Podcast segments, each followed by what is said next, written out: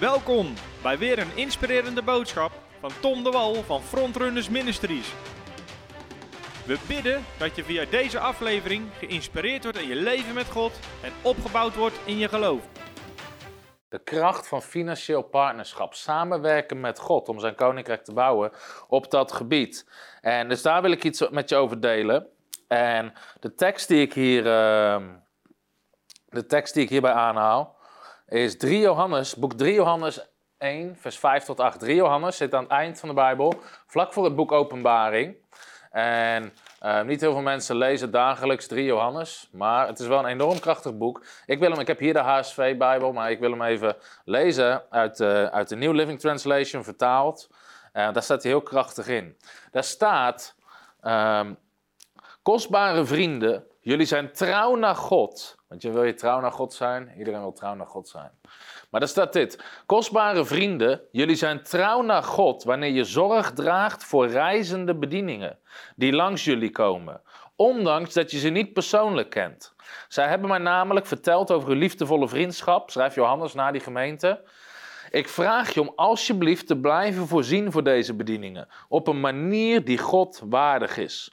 Want zij reizen voor God en zij nemen niets aan van de mensen die niet in God geloven. Wij zelf moeten ze onderhouden, zodat wij hun partners mogen worden als zij de waarheid onderwijzen. De apostel Paulus schrijft naar deze, of de apostel Johannes schrijft naar deze gemeente. En hij zegt, jullie zijn, hij noemt ze zijn vrienden.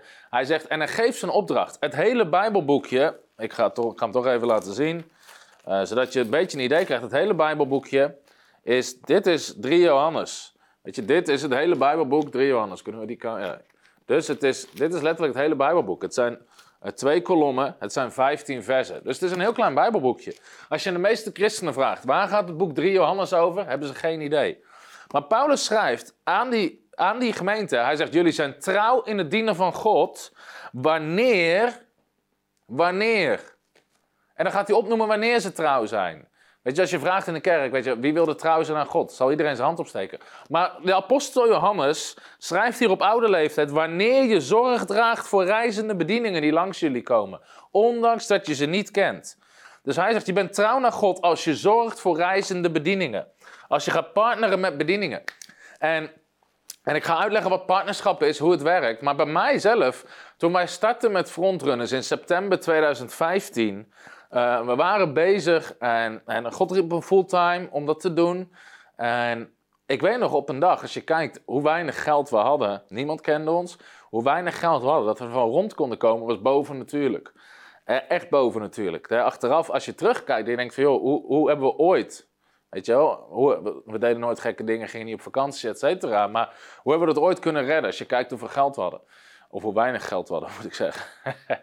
maar um, op een dag kregen we onverwacht een hele hoge rekening van boven de 1000 euro. En dat geld hadden we bij lange na niet. En dat, weet je, dat, verdienden we niet eens in de maand. Ook dat hadden we lange na niet. En, um, en weet je, dus we hadden een rekening van meer dan 1000 euro. En ik weet nog, ik stond onder de douche. En ik was aan het bidden. Weet je, dan ben je echt wanhopig. Als je ook onder de douche begint te bidden. Naast je tijd met God, morgens, avonds, dat je ook onder de douche begint te bidden. En ik zei, ik zeg, Heer, ik zeg, God, ik heb geld nodig. U heeft me geroepen om dit te, om, weet je, voor front, maar ik heb geld nodig. Ik heb een rekening liggen van meer dan 1000 euro, die moet ik betalen. En God sprak tot me, terwijl ik dat aan het bidden was. Tom, ik wil dat je partner wordt van deze bediening. En hij geeft me een naam van een bediening. En God gaf me ook een bedrag, was ongeveer 40, ergens de 30 en de 50 euro, zoiets. En ik wist, ik moet partner worden van die bediening. Ze iedere maand steunen. En ik dacht, wacht even, dit gaat niet goed. Ik dacht, ik zeg, heer, heer, u heeft het niet begrepen. Ik heb geld nodig. Ik heb niet gebeden, heer, ik heb geld over. Mijn gebed was, heer, ik heb 1500 euro, het was 1500 euro, heb ik nodig. Mijn gebed was niet, ik heb het over. Aan wie moet ik het geven? Maar God sprak, Tom, ik wil dat je partner wordt van die bediening. Dat is het enige woord wat ik kreeg, terwijl ik geld nodig had. Dus ik ging naar mijn vrouw toe en prijs God voor een vrouw die ook naar hem luistert. Dus ik zei, Fem, ik zeg, ik weet dat we geld nodig hebben, maar dit is wat ik op mijn hart heb. Uh, om die bediening iedere maand te gaan steunen. En ik weet dat het gek is. Dus voor ons doen we toen 40, 50 euro, enorm bedrag, uh, besloten we iedere maand te geven. Dus je kan tegenwoordig heel makkelijk via de website, vul dat in, bankgegevens. Dus we waren een commitment aangegaan om ze iedere maand te steunen. Twee dagen later kijken we op onze persoonlijke rekening. En uit een onverwachte hoek is er een gift overgemaakt van 1500 euro. Het bedrag wat we nodig hadden om onze rekening te betalen. En ehm, op dat moment besefte ik in één keer iets. En God leerde me een waardevolle les waar dit boekje over gaat. Als het gaat over partnerschap, als het gaat over het steunen van Gods koninkrijk op die manier, dan is het zo dat het betekent niet alleen dat als je partnert met die bediening, zoals ik partnerde met die bediening, door ze iedere maand te helpen, dat zij gezegend worden, ook. Maar het betekent ook dat jij gezegend wordt. Het is een samenwerking en het is een kracht die God ons geeft om effectief te zijn in Gods koninkrijk. En um, ik sprak een keer in in een dienst hierover en ik haalde dit aan. En ik kwam erachter um, dat bijna niemand hier iets over wist. En specifiek over partnerschap. Partnerschap. Partnerschap is een bijbels begrip. Ik heb gelezen uit 3 Johannes 1, waar letterlijk het woord partnerschap voortkomt. Ik wil dat je partner bent. Ik zal hem nog een keer lezen. Uh, want ze reizen. Ik vraag je om te blijven voorzien voor deze bediening op een manier die God waardig is. Want zij reizen voor God uit en ze nemen niets aan van de mensen die niet in God geloven. Weet je, zo werkt het. We gaan in uh, volgende maand zitten we weer in Afrika voor een grote campagne om mensen te bereiken met het evangelie. We gaan daar geen offers ophalen. We zijn ze om te bereiken met het evangelie, niet om geld van ze te krijgen. Dus wij zelf horen hen te houden, zodat wij hun partners mogen worden, schrijft de apostel Johannes. En um, wat we moeten beseffen is dat partnerschap, het woord partnerschap is een bijbels begrip. Is niet iets wat we pas verzonnen hebben in de 21ste eeuw om als bediening rond te komen. Het partnerschap is een bijbels begrip. En um, sommige bedieningen noemen do donatie, donateur. Alleen, uh, ik, ik hou van het woord partnerschap. Waarom? Omdat partnerschap, nogmaals, is bijbels. Is een woord wat letterlijk in de Bijbel meerdere keren voorkomt. Het woord donatie niet. De Bijbel vraagt nergens om donaties. Het vraagt om partnerschap. Ten tweede, er zit een heel groot verschil tussen een donatie of een partnerschap. Een donatie of een partnerschap. En ik zal je uitleggen wat het verschil is. En zelfs als je uit het woordenboek, uh, zelfs als je, ja, Tessa reageert, goed onderwerp en zo gezegend in mijn leven. Tessa, de getuigenis staat ook in dit boekje hoe partnerschap uh, de bedrijf gezegend heeft en uh, et cetera. Misschien dat ik daar later nog wat meer over zeg. Maar thanks voor de aanmoediging. Een donateur, dit is wat het woordenboek zegt over een donateur. Een donateur is iemand die een bijdrage geeft aan een organisatie met het doel om die organisatie haar doel te laten bereiken. Dus een donateur geeft een donatie uh, ik geef 20 euro aan een organisatie, zodat die organisatie haar doel kan bereiken. Dat is de definitie van een donateur. Dit is de definitie uit hetzelfde woordenboek over partnerschap. Een partnerschap is een samenwerkingsverband tussen twee partijen met wederzijdse voordelen om een gemeenschappelijk doel te halen. Weet je, hier zien we het verschil waarom partnerschap bijbels is en doneren niet. Een donatie niet. En soms gebruiken we dat woord omdat anders mensen niet snappen wat partnerschap is. Maar de Bijbel, of, of het woordenboek zegt hier, um, een donatie geeft dat een organisatie het doel bereikt. Maar een partnerschap is een samenwerking met wederzijdse voordelen. En zodat je samen een doel behaalt. En dat is het idee achter partnerschap. En dat is een heel ander idee dan ik geef iets en mijn geld is weg, maar zij zijn geholpen. God heeft het over partnerschap. Jij geeft, maar je hebt samenwerkingsverband en je wordt allebei gezegend en geholpen daardoor, zoals ik vertelde in mijn getuigenis. En weet je, partnerschap zien we meerdere keren in de Bijbel voortkomen. Sterker nog, door heel mijn boek laat ik zien hoe vaak het voorkomt. Oude Testament, Nieuwe Testament. Sommige Bijbelboeken uit het Nieuwe Testament hadden we niet gehad zonder partnerschap. En ik ga je straks daar meer over uitleggen hoe dat zit. Um, maar we moeten dus beseffen, als we partneren met bedieningen, dan worden niet alleen zij geholpen, jij wordt ook geholpen. Het heeft wederzijdse voordelen.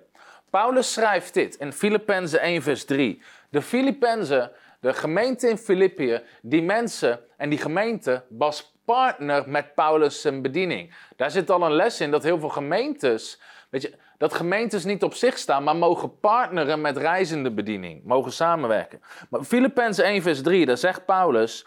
Ik dank mijn God telkens wanneer ik aan u denk. In elk gebed van mij voor u allen bid ik altijd met blijdschap voor u... vanwege uw gemeenschap aan het evangelie vanaf de eerste dag toe. Nou, Paulus zegt... Altijd als ik aan u denk, dan dank ik God voor jullie. Vanwege jullie gemeenschap, vanwege het één worden met het evangelie. Vanaf de eerste dag. Nou, wat hij zien is vertaling hier vertaald met gemeenschap aan het evangelie, kan je in het Grieks ook vertalen met vanwege de partnerschap, de samenwerking die jullie hebben in het evangelie. En als je dan nadenkt, wat is de partnerschap tussen de Filipijnse gemeente en Paulus? Wat, waar, over welke gemeenschap, welke eenwording heeft hij het? Als je het gaat bestuderen, vanaf het moment dat Paulus die gemeente gestart had, Weet je, Paulus had die gemeente geholpen, maar begon die gemeente Paulus te helpen om andere gemeentes te starten. Ze begonnen samen te werken. Want Paulus schrijft verderop, dat is Filippenzen 1 wat ik net las. In Filippenzen hoofdstuk 4, daar schrijft Paulus in vers 14. U heeft er goed aangedaan dat u gedeeld hebt in mijn verdrukking. Dat jullie samen met mij daarin stonden.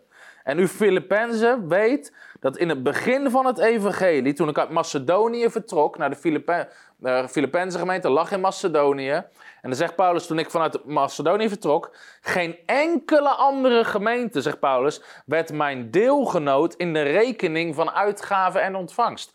Paulus had gewoon een rekening lopen, een bankrekening, tussen haakjes, in die tijd ging dat anders, maar van uitgaven en ontvangst. Hij moest geld spenderen om het evangelie op plekken te brengen, aan boottochten, reizen, eten, etc. Maar ze gaven hem ook in offers en giften, etc. Maar Paulus zegt, geen enkele andere gemeente, mijn deelgenoot werkte samen om die rekening te voldoen. Maar Paulus zegt dit, in de rekening van uitgaven en ontvangst, dan u alleen. Want ook in Thessalonica heeft u mij een en andermaals, heeft u mij meerdere keren toegestuurd wat ik nodig had. Ik, dus die gemeente bleef Paulus geld sturen wat hij nodig had om zijn bediening te bouwen. Niet dat ik de gave zoek, zegt Paulus, maar ik zoek de vrucht die op uw rekening toeneemt. Dus Paulus zegt: Ik ben niet eens op zoek naar, de partnerschap, maar ik zoek het voordeel wat het voor jullie heeft. Het is de Filippense brief. Ik heb alles ontvangen en ik heb overvloed. Nu ik ontvangen heb door middel van Epaphroditus, je zal je kind maar zo noemen, wat door u gezonden was. Paulus zegt: Ik heb alles ontvangen, ik heb overvloed. Paulus had overvloed. En uh, op dit moment. En dan zegt hij: Ik heb alles ontvangen wat u mij gestuurd heeft door Epaphroditus. Nou, wat ik mooi vind, wat we zien hier aan de Filipijnse gemeente, is ten eerste, het waren consequente gevers. Weet je, sommige mensen zijn geen consequente gevers, ze zijn toevallige gevers. Als ze toevallig in een dienst komen, gooien ze iets in de collecte. Weet je, als een toevallige collectebus aan de deur komt, geven ze iets. Maar ze zijn niet constant bezig met het denken: hoe kunnen we zaaien? Hoe kunnen we zegenen? Hoe kunnen we bouwen aan Gods koninkrijk? Maar de Filippenzen gemeente, Paulus zegt: Jullie hebben mij keer op keer op keer gestuurd wat ik nodig had. Ze waren consequent aan het geven. En um, ze wilden niet alleen Paulus' noden aanvullen, dit is wat gebeurde. Ze waren gezegend door Paulus' zijn bediening. En nu hielpen ze Paulus' zijn bediening om andere mensen te zegenen. Ze waren aan het samenwerken. Ze vergroten de impact van de bediening. En daarom, ik zie al mensen reageren. Ik ben partner, ik ben partner, zegt Reina en Cornelis. Weet je, ik dank God voor al onze partners die ons constant helpen om meer en meer en meer te doen voor het koninkrijk van God. En ook voor Paulus hielpen ze hem constant om meer gemeentes te stichten. En dat is wat partners willen. Partners in het evangelie willen niet puur geven omdat er een nood is. Weet je, je wil niet iedere dag, weet je, hoeveel heb je nodig? Nee, ze willen constant meebouwen zodat we meer en meer kunnen bereiken.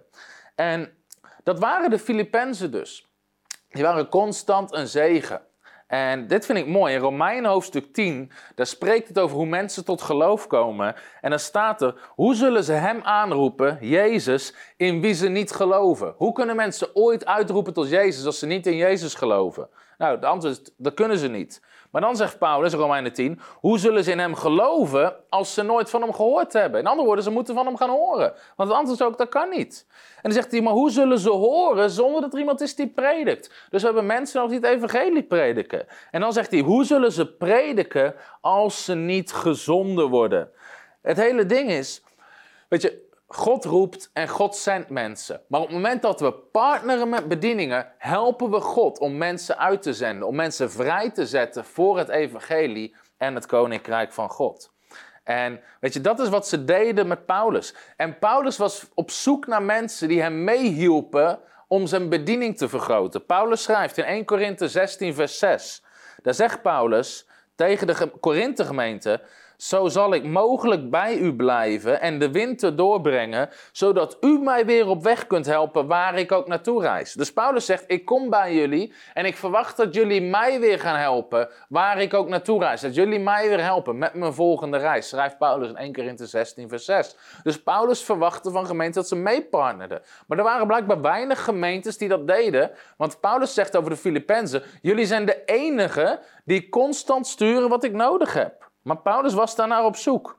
En het mooie vind ik, als je partner wordt met een, eh, met een bediening, ben je niet alleen een ontvanger van het evangelie, maar dan ben je ook een zender van het evangelie. Je helpt God om bedieningen uit te zenden en te zegenen. Sommige christenen zijn alleen maar ontvangers van het evangelie. Ze hebben het evangelie ontvangen, ze zijn gered, ze horen het woord van God, ze ontvangen het woord van God. Wat prachtig is en wat belangrijk is en wat nummer één komt. Maar als je het ontvangen hebt, mag je het ook weer uitdelen. En een van de manieren om dat te doen is door te partneren. Je zendt bedieningen uit. En dan word je een consequente gever, geen toevallige gever. En dat is mooi, dat is de kracht aan partnerschap. En ik zeg altijd, als je een consequente gever wordt, zal je ook een consequente oogster worden. Als je consequent zaait, zal je consequent oogsten. Mijn schoonvader is akkerbouwer. En ik weet, er zit iemand te kijken die ook akkerbouwer is geweest. en uh, Cornelis. Uh, maar die weet, als je, weet je, een boer zaait niet één keer in de zoveel tijd als het toevallig uitkomt, als de wind lekker staat, weet je wel, oh, ik voel me vandaag wel. Nee, een boer is constant aan het zaaien, iedere keer opnieuw, ieder seizoen opnieuw, ieder seizoen opnieuw. Waarom? Hij wil ook ieder seizoen oogsten, ieder seizoen oogsten. En daarom, heel veel mensen zijn toevallige gevers, weet je, geven ze nu en dan een keer. Zeggen ze, waarom is er geen oogst? Dat is niet de manier waarop een boer geeft. Weet je, als we consequente zaaiers zijn, zullen we consequente oogsters. En je moet eens nadenken over de radicale houding van vrijgevigheid die de Filippenzen, uh, die mensen uit uh, Filippië hadden. Weet je, vandaag de dag, het is makkelijk om te geven. Het is makkelijk om te geven. Ik bedoel, ten eerste, kom op, we wonen in Nederland. We wonen in een van de rijkste landen. Ik heb de cijfers niet voor me, maar ik, volgens mij zit Nederland in de top 10. 6, 7, 8 of zo van de rijkste landen ter wereld. Sommige mensen denken dat ze het slecht hebben in Nederland. Maar de meeste mensen hebben het niet slecht in Nederland. Maar mijn punt is, vandaag de dag is het makkelijk om te geven. Weet je, om een voorbeeld te geven. Volgens mij staat er naast deze uitzending een link waar je op kan klikken om te geven. Klopt dat? Er staat een link om te geven. Je kan naar onze website gaan om te geven. Je kan machtigingskaart invullen. Je kan naar je bank gaan. Zelfs op je telefoon. Ik ga even mijn uitzending weg. Er zit gewoon een app op je telefoon, de Rabobank of welke app je ook hebt. En die kan je aanklikken en je kan geven. Het is vandaag dag makkelijk om te geven aan bedieningen. Maar Paulus schrijft over de Filippenzen die gevers waren. En dit moet je je voorstellen. Er waren geen nieuwsbrieven. Er was geen Facebook. Er was geen Instagram. Er was geen Snapchat. Er was geen Twitter. Uh, waar Paulus op zat. Waar die constant, weet je, nieuwsbrief. Oh, nieuws, weet je, ting Nieuwsbrief van Paulus. Ik ben nu in Korinthe, help me het evangelie te spreiden. We hebben nog 10.000 euro nodig voor de volgende campagne, dan huren we het Colosseum af. Paulus zond geen nieuwsbrieven. Paulus zette niet op Facebook, we zijn nu hier, we zijn nu hier, we zijn hiermee bezig, we hebben dit project. Er was geen manier om dat te doen. Het duurde heel lang voordat een brief aankwam.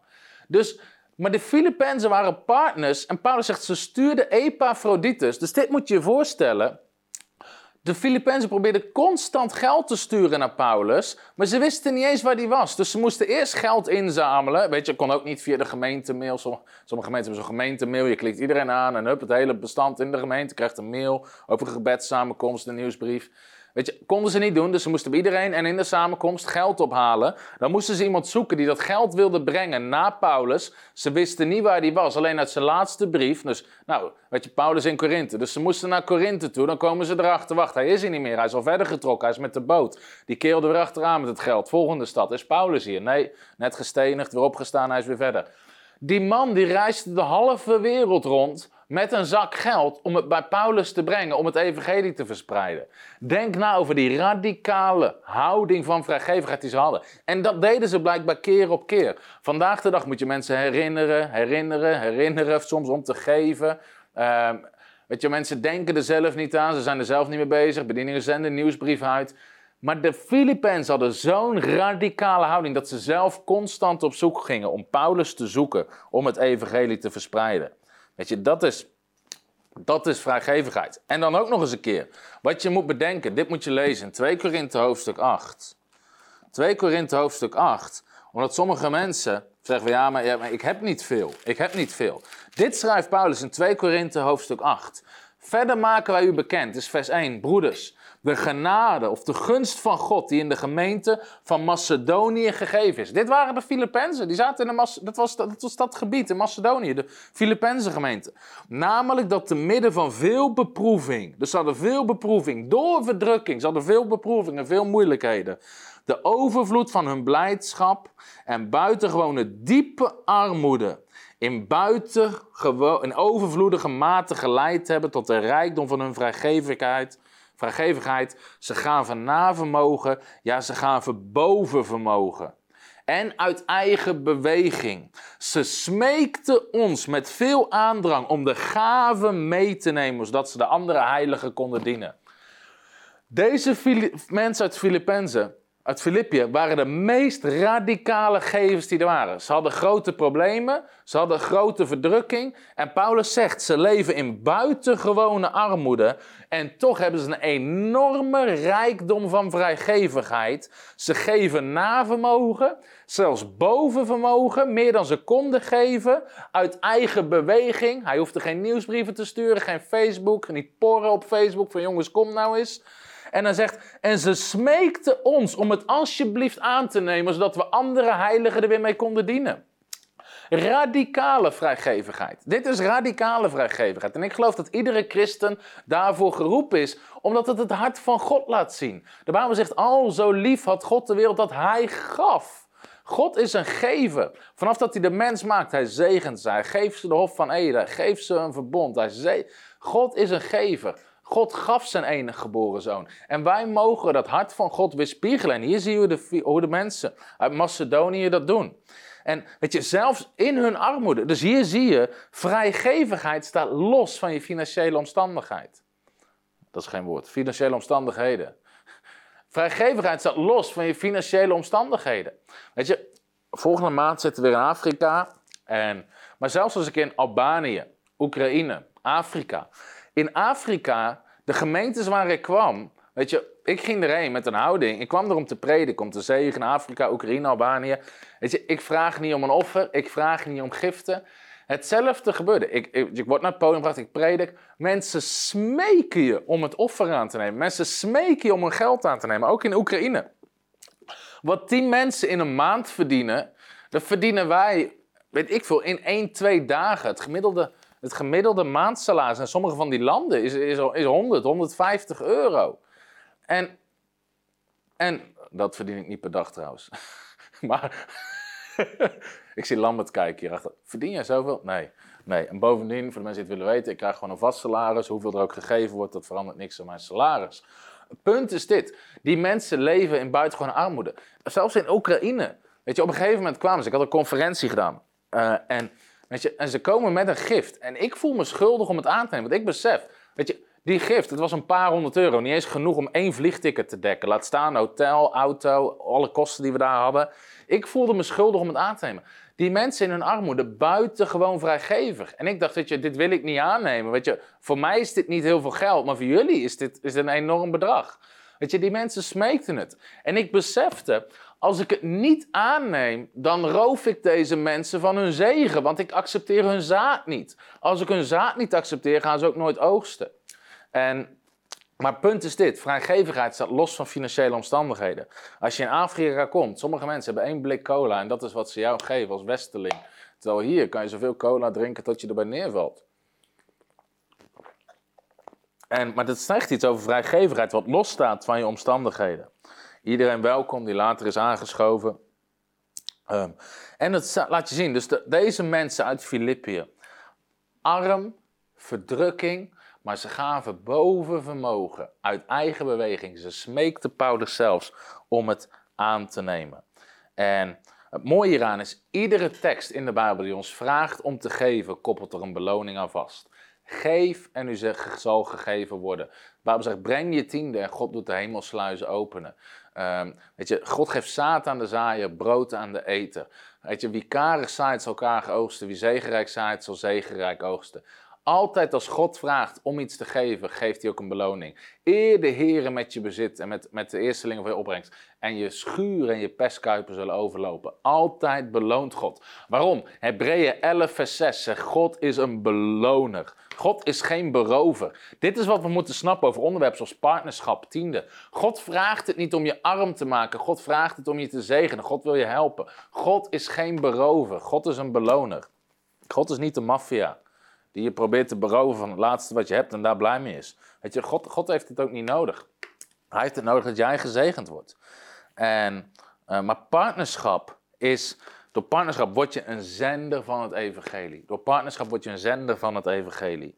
En dat is ook hoe het werkt. Die tekst uit 3 Johannes zegt, Weet je, je moet partner worden van reizende bedieningen. Dan ben je trouw aan God. Want ze willen niks aannemen van mensen die niet in God geloven. Sommige christenen zeggen, als het gaat om offers op conferenties. Ja, maar het evangelie moet gratis zijn. Ja, het evangelie moet gratis zijn om te brengen aan mensen die nog niet geloven. Als ik volgende maand in Afrika op een podium sta te preken voor een paar duizend man. Ga ik echt niet eerst een oproep doen om Jezus aan te nemen. En daarna voor diezelfde groep vragen of ze alsjeblieft willen betalen voor deze campagne. We hebben partners vanuit Nederland die onze bediening daar steunen zodat we daar naartoe kunnen. Weet je, het evangelie is gratis om het te horen, maar het kost heel wat om het te brengen. Weet je, een simpele campagne in Afrika kost duizenden, duizenden euro's om erheen te gaan met je team, vliegtickets, hotel, huurauto, stuk grond huren, vergunning kopen, geluidssysteem huren, posters drukken, verspreiden, mensen die alles opbouwen, mensen die alles regelen. Soms moet je eten regelen voor die mensen die drie dagen lopen om te komen. Het punt is, weet je, dat kost geld. En daarom zijn partners zo belangrijk. Ze helpen constant om te zenden. Dat is het mooie en de kracht van partnerschap. En, en ook wat mooi is eraan, is dat aan partnerschap, zoals ik zei, God is een beloner. Er zit een beloning aan partnerschap vast. Als jij een partner bent van het evangelie, zal God je belonen. Kijk, Paulus schrijft dit. We hebben net gelezen, de Filippenzen. Mensen uit Filippië zijn radicale partners van Paulus. En dan schrijft Paulus, ook in Thessalonica, Filippenzen 4, vers 16 en 17, heeft u mij meerdere malen toegestuurd wat ik nodig had. Dus ze stuurden hem constant geld toe. Niet dat ik de gave zoek. Paulus zegt, ik ben niet eens op zoek naar je geld. Paulus zegt, ik zoek de vrucht die op uw rekening toeneemt. Paulus zegt, weet je, als je geeft, neemt de vrucht op jouw rekening toe. En dan zegt hij dit. Let op. Ik, weet je, dit is voor heel veel christenen nieuw. Ik heb alles ontvangen. Ik heb overvloed. Ik ben geheel voorzien. Hoeveel van jullie weten dat Paulus arm was? Dit is Paulus. Ik heb alles ontvangen. Ik heb overvloed. Ik ben geheel voorzien. Nu ik door middel van Epaphroditus ontvangen heb wat door u gezonden is, als een aangename geur, een welgevallig offer voor God. En dan zegt Paulus dit, let op. Maar mijn God zal u overeenkomstig zijn rijkdom voorzien van alles wat u nodig hebt in heerlijkheid door Christus Jezus. Nou, Filippenzen 4 vers 19 is misschien wel de Bijbel, de bekendste, een van de bekendste teksten naast Jeremia 29 vers 11 en Johannes 3 vers 16 die er is. Heel veel christenen quoten, mijn God zal voorzien in alles wat ik nodig heb overeenkomstig zijn rijkdom. God zal voorzien, God zal voorzien. En ze vergeten totaal de context. Tegen wie zegt Paulus dat God zal voorzien in hun noden? Tegen wie? Tegen partners van het evangelie. Hij zegt eerst, jullie hebben mij voorzien van alles wat ik nodig heb. En tegen die mensen zegt hij, en nu zal God jullie voorzien van alles wat je nodig hebt overeenkomstig zijn rijkdom. Weet je, dat is getuigenis waar ik mee begon. Ik had geld nodig. Ik had niet geld over. Toen God van mij vroeg om te partneren met bedieningen, zodat God mij kon zegenen. Want als ik begon te zegenen, kon God mij zegenen. Weet je, wie zegenrijk zaait, zal zegenrijk oogsten. Weet je, maar heel veel christenen die quoten deze tekst, maar hij is niet van toepassing op hun leven. En je hebt geen recht om het woord van God te staan als je niet voldoet aan de voorwaarden. Weet je, je kan ook niet zeggen, ik heb eeuwig leven, als je niet eerst voldoet aan het geloof in de Zoon. Weet je, het een hoort bij het ander. En deze tekst, God zal voorzien in al je nood, hoort bij, dat is de belofte. Maar de commitment die God vraagt, wat die Paulus zegt, jullie hebben mij voorzien in alles wat ik nodig heb. Nu zal God jullie, u voorzien overeenkomstig zijn rijkdom. Dus je kan alleen zeggen, Filippenzen 4 vers 19 geldt voor mij als je partner bent van het evangelie. En sommige mensen worden hier boos om. Maar we kunnen niet tekstje pluk doen en zeggen, ja, hier, deze belofte geldt voor mij. De belofte geldt alleen als je ook doet wat het zegt. Weet je, er was een belofte van een beloofd land. Maar ze deden niet wat God zei. Ze geloofden hem niet. Uh, ze waren bang voor de reuzen en ze kwamen er nooit. Dan kan we zeggen, ja, maar God heeft het beloofd, dus het is voor mij. Je moet ook doen wat God zegt. Je moet niet alleen maar de belofte claimen, je moet ook doen wat God zegt. Als God zegt, leg handen op zieken en ze zullen genezen, kan je niet zeggen, weet je, oh, die is genezen als jij nog niet je handen erop hebt gelegd. Want dat is hoe het werkt. 1 plus 1 is 2. Weet je, het is geen, het is geen hogere wiskunde, het is geen, het is geen rocket science. We moeten gewoon simpel lezen en doen wat het zegt. En dan hebben we een, recht om, om zo'n belofte voor ons leven ook te claimen. En uh, dus dit is een belofte specifiek voor partners. En uh, weet je, in dit boekje staan getuigenissen. Tessa gaf al getuigenis in de reacties. Weet je, andere, andere vrienden van mij ook, met een eigen bedrijf.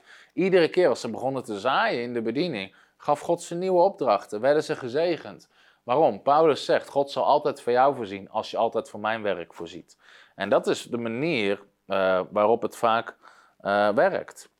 En weet je, ik zal je meer voorbeelden geven van hoe financieel partnerschap, hoe dat in de Bijbel zit.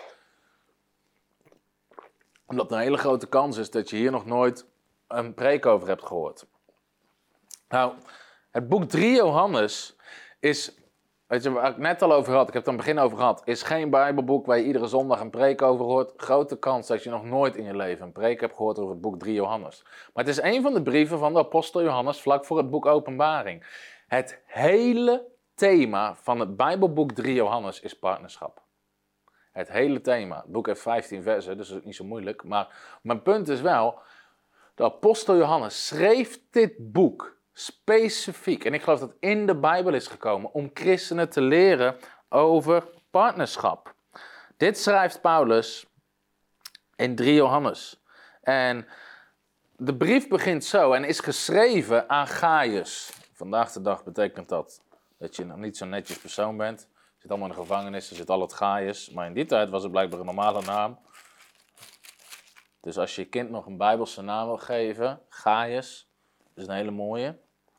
Maar Paulus schrijft aan Gaius en hij zegt hij, geliefde, ik wens dat u alles goed gaat, dat u gezond bent, dat uw ziel goed gaat. En dan schrijft hij, ik ben zeer verblijd geweest toen er reizende bedieningen kwamen uh, en die hebben terug naar mij gebracht hoe u nog steeds in de waarheid staat. En dan begint hij te schrijven en en Paulus begint te schrijven over gastvrijheid en de NLT vertaalt als partnerschap. Dus ze ontvingen reizende bedieningen in hun gemeente en ze hielpen ze ook weer verder. Ze stuurden ze weer uit uh, met onder andere financiën, eten, et cetera. En uh, daarna staat er dus in 3 Johannes 1 vers 5... Kostbare vrienden, jullie zijn trouw naar God wanneer je zorg draagt voor de reizende bedieningen die langs jullie komen. Ondanks dat je ze niet persoonlijk kent. Weet je, je kent niet iedere spreker die langskomt. Uh, maar hij zegt, ze hebben namelijk verteld over een liefdevolle vriendschap. Ik vraag je om alsjeblieft te blijven voorzien voor deze bedieningen op een manier die God waardig is. Want ze reizen voor God en ze nemen niets aan van mensen die niet geloven. Dus wij zelf horen hen te onderhouden, opdat we partners mogen worden van de waarheid. Nou, ik wil een aantal lessen halen uit deze brief. Ik ga zo meteen nog meer versen lezen. Ten eerste, partner worden van reizende bedieningen. Wat is een reizende bediening? Is bijvoorbeeld uh, we hebben geen kerk. We hebben wel een eigen gebouw, maar we reizen rond. We komen net uit Amerika, daarna zitten we in Afrika, dan zitten we nog in Bulgarije. We reizen, in Nederland reizen we rond. geen vaste plaats als kerk. In een kerk komen vaak de inkomsten, de iedere zondag collectes, tiende, et cetera. Maar die bedieningen hebben partners nodig die ze telkens verder zenden. En, maar dit begrip partnerschap is niet nieuw, is niet uitgevonden in 2016 toen iemand een bediening startte en dacht, hoe ga ik aan mijn inkomsten komen, jonge, jonge mensen kunnen... Weet je, partner, partner, laten we partners verzinnen. Partnerschap is al is ontstaan in de Bijbel om bedieningen te financieren. Dus Johannes schrijft daar zijn brief over. Het is niet iets van de 21ste eeuw. Het is een Bijbels principe om het koninkrijk van God te bouwen. Ten tweede is het een manier om Jezus zijn bediening op aarde verder te bouwen. Weet je, heel veel mensen, als je, mensen zeggen, als Jezus vandaag op aarde was, dan zou ik meteen partner worden van zijn bediening. Het ding is, Jezus is vandaag op aarde door de bedieningen die hij heeft aangesteld. Efeze 4, vers 11. Jezus heeft gaven gegeven aan de gemeente. Efeze 4, vers 11. Apostelen, profeten, leraren, herders en evangelisten. Vijfvoudig bediening. Zij zijn de gaaf van Jezus. Zij vertegenwoordigen Jezus. Jezus was de ultieme apostel, de ultieme profeet, ultieme leraar, ultieme herder en de ultieme evangelist. Maar hij heeft die gaven verdeeld onder verschillende bedieningen. Dus je kan vandaag de dag nog steeds partneren met Jezus. Daarom schrijft uh, uh, de apostel Johannes: Ik wil jullie vragen om hun verder te helpen te partneren op een God waardige manier. Op een godwaardige manier. En er zijn heel veel Bijbelteksten in de Bijbel die ons leren dat als we partneren met de bediening, is alsof we Jezus zelf zijn bediening verder helpen op aarde. Help ze verder als op een manier die waardig is voor God. Die waardig is voor God. En um, dus ze moeten deze bediening helpen alsof ze Jezus zelf verder helpen. En dan zegt hij dit in vers 8, en deze is heel krachtig. Wij moeten zulke mensen blijven ontvangen, opdat wij medearbeiders worden van de waarheid. Dus door bedieningen te steunen, word jij een medearbeider, je wordt een partner, een samenwerker van de waarheid. En dit is het mooie van het steunen van bedieningen. Je bent aan het meewerken. Jij hebt er deel aan. Je bent een medearbeider geworden van de waarheid. Dus als we volgende maand in Afrika staan en er komen daar weet je, er komen massaal mensen tot geloof. Ik sta daar te prediken. Iemand van een team is bij ons. Maar de mensen in Nederland die partneren met onze bediening zijn medearbeider. Zij werken daar mee. Ze hebben deel aan de vrucht. Ze zijn net zo goed deel van de overwinning die daar behaald wordt. Voor de zielen die daar gewonnen worden voor het koninkrijk van God. Want ze werken mee met de waarheid. En worden medearbeiders van de waarheid. En dat is zo mooi als we partneren met bedieningen. En daarnaast wat is het dringende probleem? Waarom schrijft Paulus, en dit is heel belangrijk, waarom schrijft Paulus deze brief, 3 Johannes, aan Gaius? En waarom roept hij deze gemeente op om te partneren met bedieningen? Waarom doet Paulus dat? Nou, we lezen dat er nog iets anders aan de hand is in die gemeente. Namelijk, Paulus roept Gaius op, een van de leiders van die gemeente, om bedieningen te ontvangen en te zegenen en te partneren, partner te worden met ze. Maar er is nog een andere leider in de gemeente. En zijn naam is uh. En die doet precies het tegenovergestelde. Diotrephes doet precies het tegenovergestelde. Hij werkt namelijk bedieningen tegen. Hij wil ze niet ontvangen, hij wil niet met ze partneren. En Paulus schrijft dit in 3 Johannes 1 vers 9. Ik schreef naar de kerk over deze zaken. Maar Diotrephes, die graag de leider wil zijn, wil niks met ons te maken hebben. Als ik kom, zal ik een aantal van de dingen die hij doet en kwade beschuldigingen die hij maakt tegen ons terechtwijzen. Let op, niet alleen weigert hij om reizende bedieningen te verwelkomen of te partneren, hij zegt ook tegen andere mensen dat ze hun niet mogen helpen. En als die mensen ze wel helpen, zet hij ze zelf uit zijn kerk. Dat is wat Paulus zegt. Of Johannes schrijft in 3 Johannes. Dus blijkbaar zijn er twee soorten mensen en twee soorten leiderschap. En ik geloof dat het zelfs twee soorten geesten zijn als het ware in de kerk. Er is een Gaiusgeest die bedieningen ontvangt, die ze zegent, die ze verder helpt. Maar er is ook een geest van Diotrephes die ze probeert zo min mogelijk te geven en niet verder te helpen. En mensen die dat wel doen, is die aan het beschuldigen en zelfs aan het bedreigen.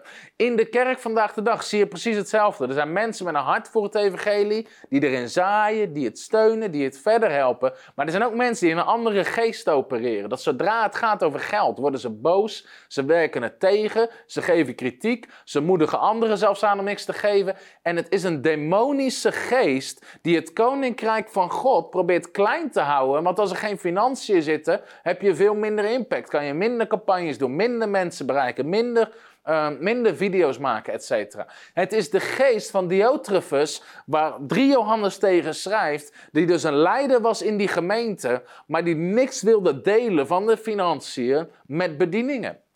En, en 3 Johannes, de apostel Johannes, schrijft deze brief dus specifiek om de juiste mensen aan te moedigen. Blijf partner, word partner van bedieningen. En die andere geest aan te spreken. Hij zegt, als ik kom, ga ik daarmee afrekenen, zegt hij. Want dit is absoluut niet de bedoeling. En heel veel mensen hebben nooit zo naar het Bijbelboek 3 Johannes gekeken. Maar dan wil ik je uitdagen, lees dat Bijbelboek, snap wat er aan de hand is.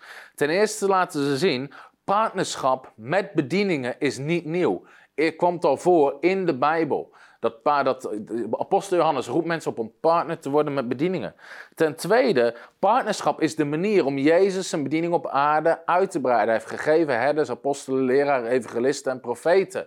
En dat is de vijfvoudige bediening, de bediening van Jezus, die hij verder helpt op een godwaardige manier. Daarnaast, door partnerschap word je een mede-arbeider van de waarheid. En we hebben allemaal de keuze of we reageren als een Gaius of dat we reageren als een Diotrephes die het blijkbaar tegenwerkt, het tegen is en het klein wil houden. Weet je, mijn verlangen is niet dat het koninkrijk van God klein blijft en tegenwerkt. Mijn verlangen is dat het groot wordt en gezegend wordt. Dat over 3 Johannes.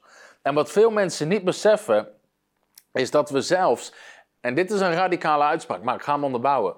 We hebben één evangelie, weet je, Matthäus, Marcus, Lucas, Johannes. Die evangelie, één van die vier en het boek Handelingen hebben we compleet te danken aan de kracht van financieel partnerschap. Omdat mensen in die tijd beseften wat partnerschap is. En ik zal je uitleggen waar het om gaat. Het gaat om het evangelie van Lucas. Zonder de kracht van financieel partnerschap hadden we het boek Lucas niet gehad en het boek Handelingen niet gehad. Waarom? Dit is hoe Lucas zijn evangelie begint. Hij schrijft dit.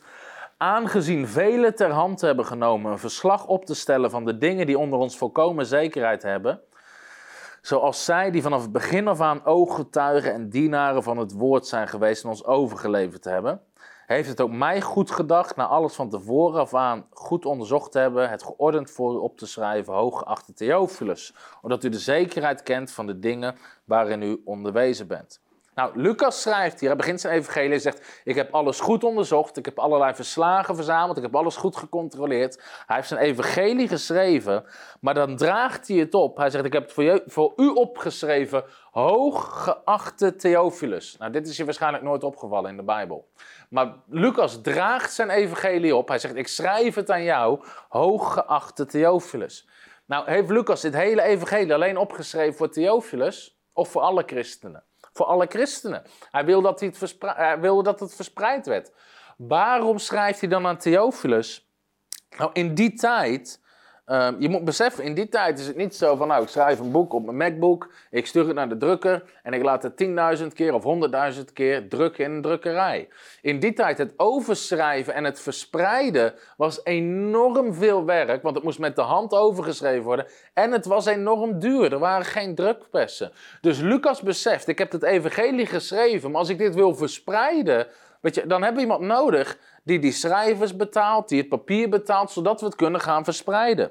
Dus hij draagt het op aan Theophilus. Het jij zegt hooggeachtend, in het Grieks uh, kratistos, betekent hoogmogend, vermogende Theophilus, in hoog aanzien. Hij, hij draagt zijn boek op aan Theophilus en dat was een rijke invloedrijke persoon. En in die tijd deden schrijvers dat vaker. Die schreven hun boek. Ze zochten een rijk persoon waarvan ze wisten dat ze achter de inhoud stonden. Ze droegen het op aan die persoon, zodat die persoon ging financieren dat het overgeschreven wordt en verspreid werd.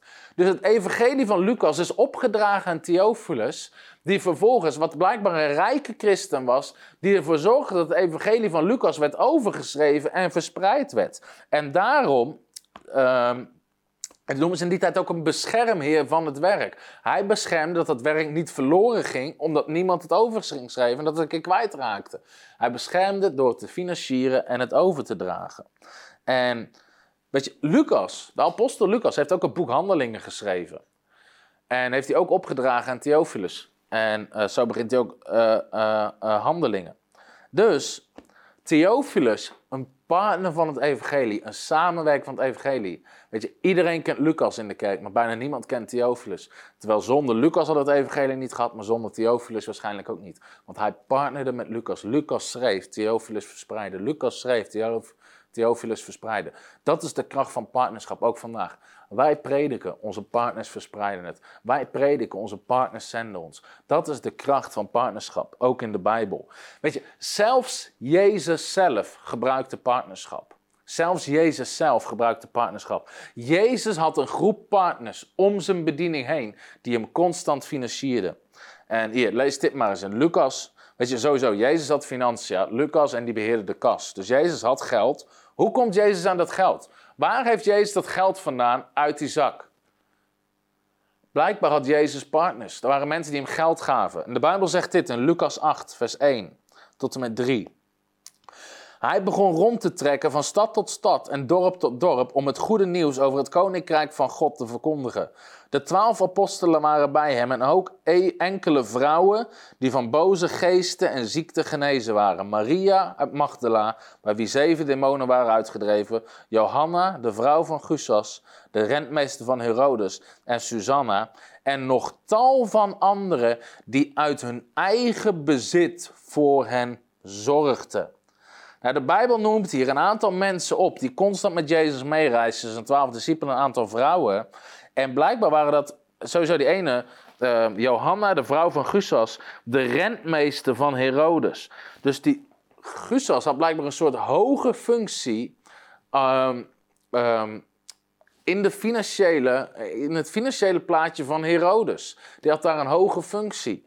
En um, en ook de vrouwen en vele anderen, zegt de Bijbel, dienden Jezus uit eigen bezit. Dus vanuit hun bezit waren ze constant Jezus aan het dienen en het financieren. Er waren nog tal van anderen. De Bijbel noemt er een aantal op. Uh, Maria en die, en die Gustas, maar de Bijbel zegt er waren tal van anderen die, hem deel, die zijn bediening zegenden vanuit hun eigen bezit. Dus er waren constant mensen die met Jezus partnerden voor het evangelie. Er waren tal van anderen. Het mooie vind ik hieraan, weet je, nogmaals, God beloont partnerschap. Dit, zijn, dit zien we ook in Lucas uh, hoofdstuk 5, waar Jezus aan het prediken is. En er komen zoveel mensen dat Jezus niet meer past op de oever. En dan gaat hij naar Petrus toe, en dit is helemaal aan het begin van het evangelie. En hij zegt, leen me je boot.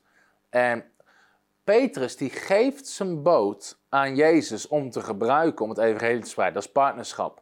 Petrus geeft zijn boot, dat was in die tijd, weet je, was zijn werk, dat was zijn inkomen, aan Jezus, zodat Jezus op het water kon, uh, op de boot kon staan en op die manier meer mensen kon toespreken. Maar, dus hij zaait zijn boot. En de Bijbel zegt, en Petrus had heel de nacht niks gevangen. En dan zegt Jezus, gooi je netten uit. En dan zegt Petrus, maar ik heb heel de nacht niks gevangen. Maar op uw woord doe ik het. Hij gooit zijn netten uit en hij heeft een boot vol vis. Dit is zo ontzettend mooi. Het is de beloning voor partnerschap. Jezus gebruikte zijn boot, maar niet voor niks. Hij partnerde met zijn boot, maar niet voor niks. Hij zorgde voor een hele lading vis die binnenkwam. En het mooie vind ik aan, hier zit het ook met hele praktische dingen. Kan partneren. Petrus partnerde met zijn boot. Weet je, we hebben mensen die partneren met hun tijd, met de dingen die ze hebben. Mensen die partneren vanuit hun bedrijf. Je kan op verschillende manieren partneren. En, um, en dus wat we ook hebben, we kunnen partneren met Jezus. We kunnen partneren met Jezus. Weet je, we hebben iemand die heeft ons enorm gezegend. We hadden een nieuw bed nodig. En die, heeft een, die had een bedrijf wat prachtige bedden maakt. Hele mooie handgemaakte bedden, matrassen. Die zegenen ons met een bed. Weet je, letterlijk gebedsverhoring. We hadden een nieuw bed nodig, we kregen een bed. Maar die partnerde met iets uit zijn zaak. We hebben iemand die betrokken is bij onze stichting die een autogarage heeft. Weet je, die, laatste auto heeft hij voor inkoopprijs aan ons doorgaan. Die partnerde met zijn bedrijf. We hebben iemand die om een stichting zat met een bouwbedrijf. Die heeft een groot deel van heel verbouwing van het pand gesponsord. We hebben, ik weet niet of, Alex of Wendy zitten kijken. Die hebben een, een bedrijf voor auto's te bestikken. Een carwarebedrijf. Die hebben ons hele pand uh, voorzien van bestikkering en logo's en de borden langs de weg. Ze partnerden met wat ze hebben. We hebben mensen die partneren met van alles en nog wat. Het is samenwerken om het koninkrijk van God te bouwen. Ook Jezus en discipelen hadden partners. In Matthäus hoofdstuk 10 zendt Jezus de discipelen uit. En hij zegt, neem niks mee, geen geld, geen sandalen, geen, geen kleding. Neem niks mee. Want Jezus zegt, ik zal mensen op je pad sturen die jullie zullen ontvangen, die jullie zullen verwelkomen en die jullie weer uit zullen zenden. Partners, partners. En hij stuurt ze uit. En in Lucas hoofdstuk 22, dan lezen we dat ze terugkomen en dan vraagt Jezus, heeft het jullie aan iets ontbroken toen ik jullie uitzond? Dan zeggen ze, nee heer, aan niets. Nou, keer op keer kan ik je laten zien dat, uh, weet je, we hebben het gehad over Paulus, die partners had. Jezus had Paulus, de Jezus had partners. Uh, de discipelen hadden partners. 3 Johannes schrijft over partnerschap. Het boek Lucas en Handelingen hadden we te denken aan partnerschap. En dit is alleen nog maar Nieuw Testament, wat ik je laat zien over partnerschap. En daarom geloof ik dat het een enorm groot onderwerp is in de Bijbel. En Nogmaals, Paulus en Filippenzen, maar Paulus in meer teksten. Titus 3, vers 13. Doe de wetgeleerden, doe de sprekers, Zenas en Apollos zorgvuldig uitgeleiden, zodat het hun aan niks ontbreekt. Dus Paulus schrijft naar Titus, partner met hun bediening, zegen ze, zend ze weer uit. Romeinen 15, vers 24. Als ik naar Spanje toereis, hoop ik naar u te komen, zodat u, namelijk op door, zodat ik u kan zien op doorreis, en dat u mij weer verder op weg kan helpen. Dus hij zegt, hey, ik verwacht dat jullie me weer verder helpen en weer verder helpen. 2 Korinthe 1 vers 16.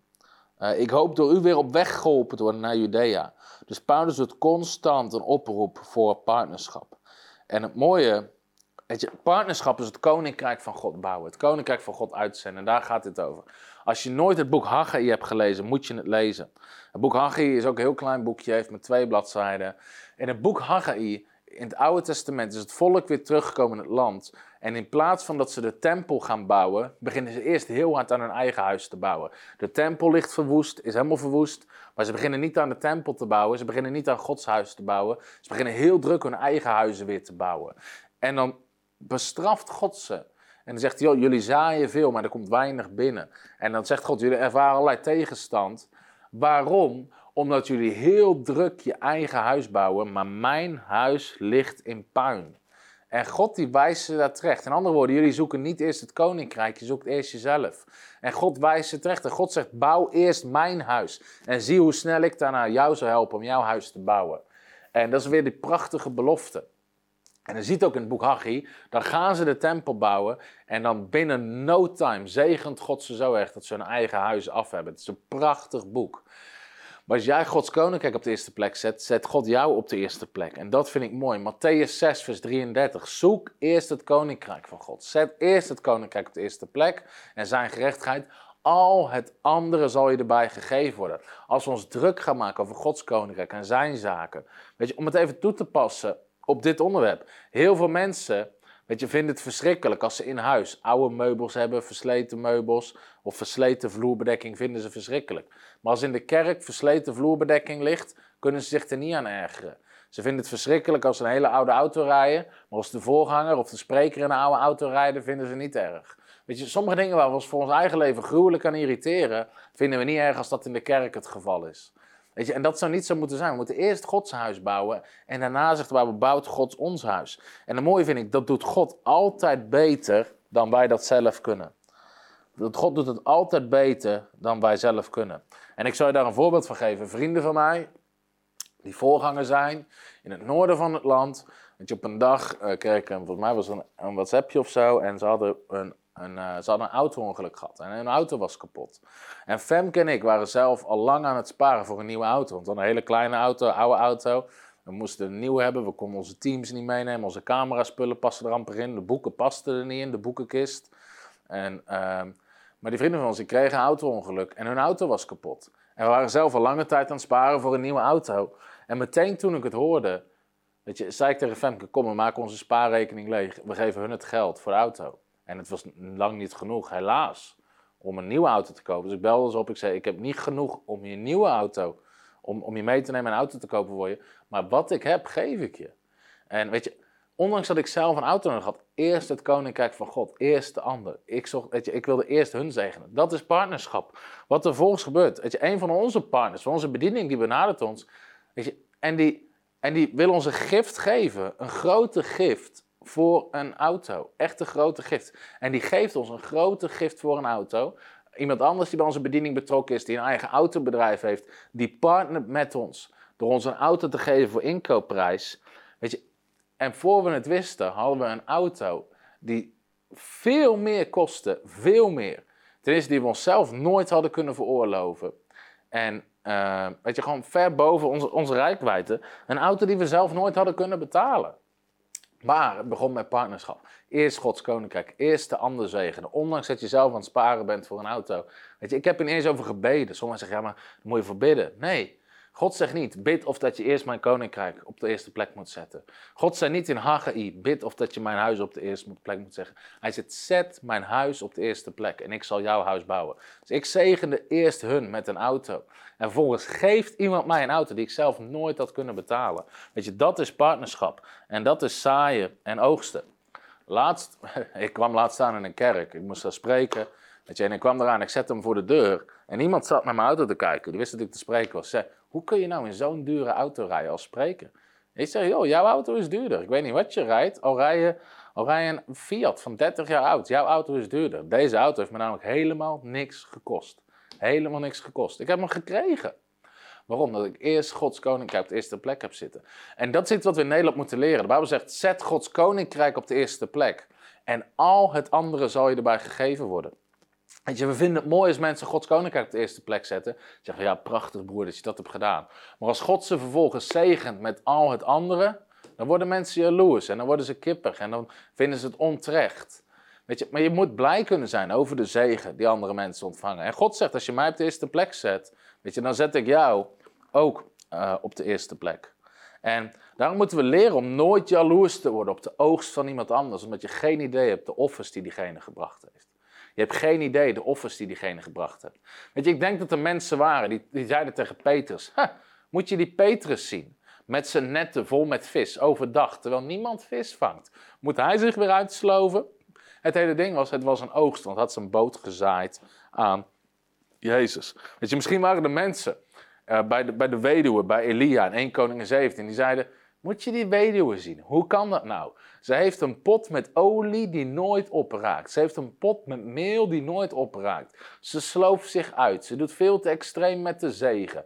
Weet je, volgens mij gelooft ze in prosperity gospel. Weet je, mensen, hebben, weet je, mensen hadden waarschijnlijk allerlei kritiek op hun. En, of extreme Petrus die geld haalt uit een vis om zijn belasting te betalen. Maar mensen zagen niet de offers die ze gebracht hadden. Mensen zagen niet dat diezelfde weduwe haar laatste maaltijd gaf aan de profeet. Zagen ze niet. Want je, mensen zagen niet misschien wat Petrus heeft achtergelaten voor het evangelie. Hij liet zijn hele bedrijf achter. Weet je, als wij partneren met God, zullen we ook gezegend worden. Dus daarom kan je nooit, nooit, nooit jaloers worden. Je kan nooit jaloers worden op iemand anders wat hij heeft, want je weet niet de offers die diegene gebracht heeft. Je weet niet wat diegene heeft gegeven toen niemand het zag. En, uh, en dat is iets wat we moeten leren. God beloont je. God beloont je. En er zijn nog een aantal andere voorbeelden in het. Um, ik geloof dat dit goed onderwijs is. En, maar ik moet het bijna af gaan ronden. Um, maar er zijn nog een aantal andere voor, uh, aantal andere voorbeelden in het Oude Testament over de kracht van partnerschap. Ik zit te denken, misschien dat ik daar de volgende keer wel mee verder ga. Want ik heb al inmiddels al heel veel gedeeld. En het is negen uur, dus ik ga afsluiten. En, uh, maar dit was dus over de kracht van financieel partnerschap. Hoe we kunnen zegenen andere bedieningen. En uh, weet je, ik heb een uur lang gedeeld. Ik geloof dat ik ook genoeg gedeeld heb voor mensen om over na te denken, te mediteren. Over de kracht om samen Gods koninkrijk te bouwen. En om af te sluiten wil ik dit nog zeggen. Ik wil nog één keer die tekst lezen, 3 Johannes, die zo krachtig is. Kostbare vrienden, jullie zijn trouw naar God wanneer je zorg draagt voor reizende bedieningen die langskomen ondanks dat je ze niet persoonlijk kent. Ze hebben namelijk verteld over een liefdevolle vriendschap en ik vraag je alsjeblieft om te blijven voorzien voor deze bedieningen op een manier die God waardig is. Want ze reizen voor God en ze nemen niets aan van de mensen die niet in God geloven.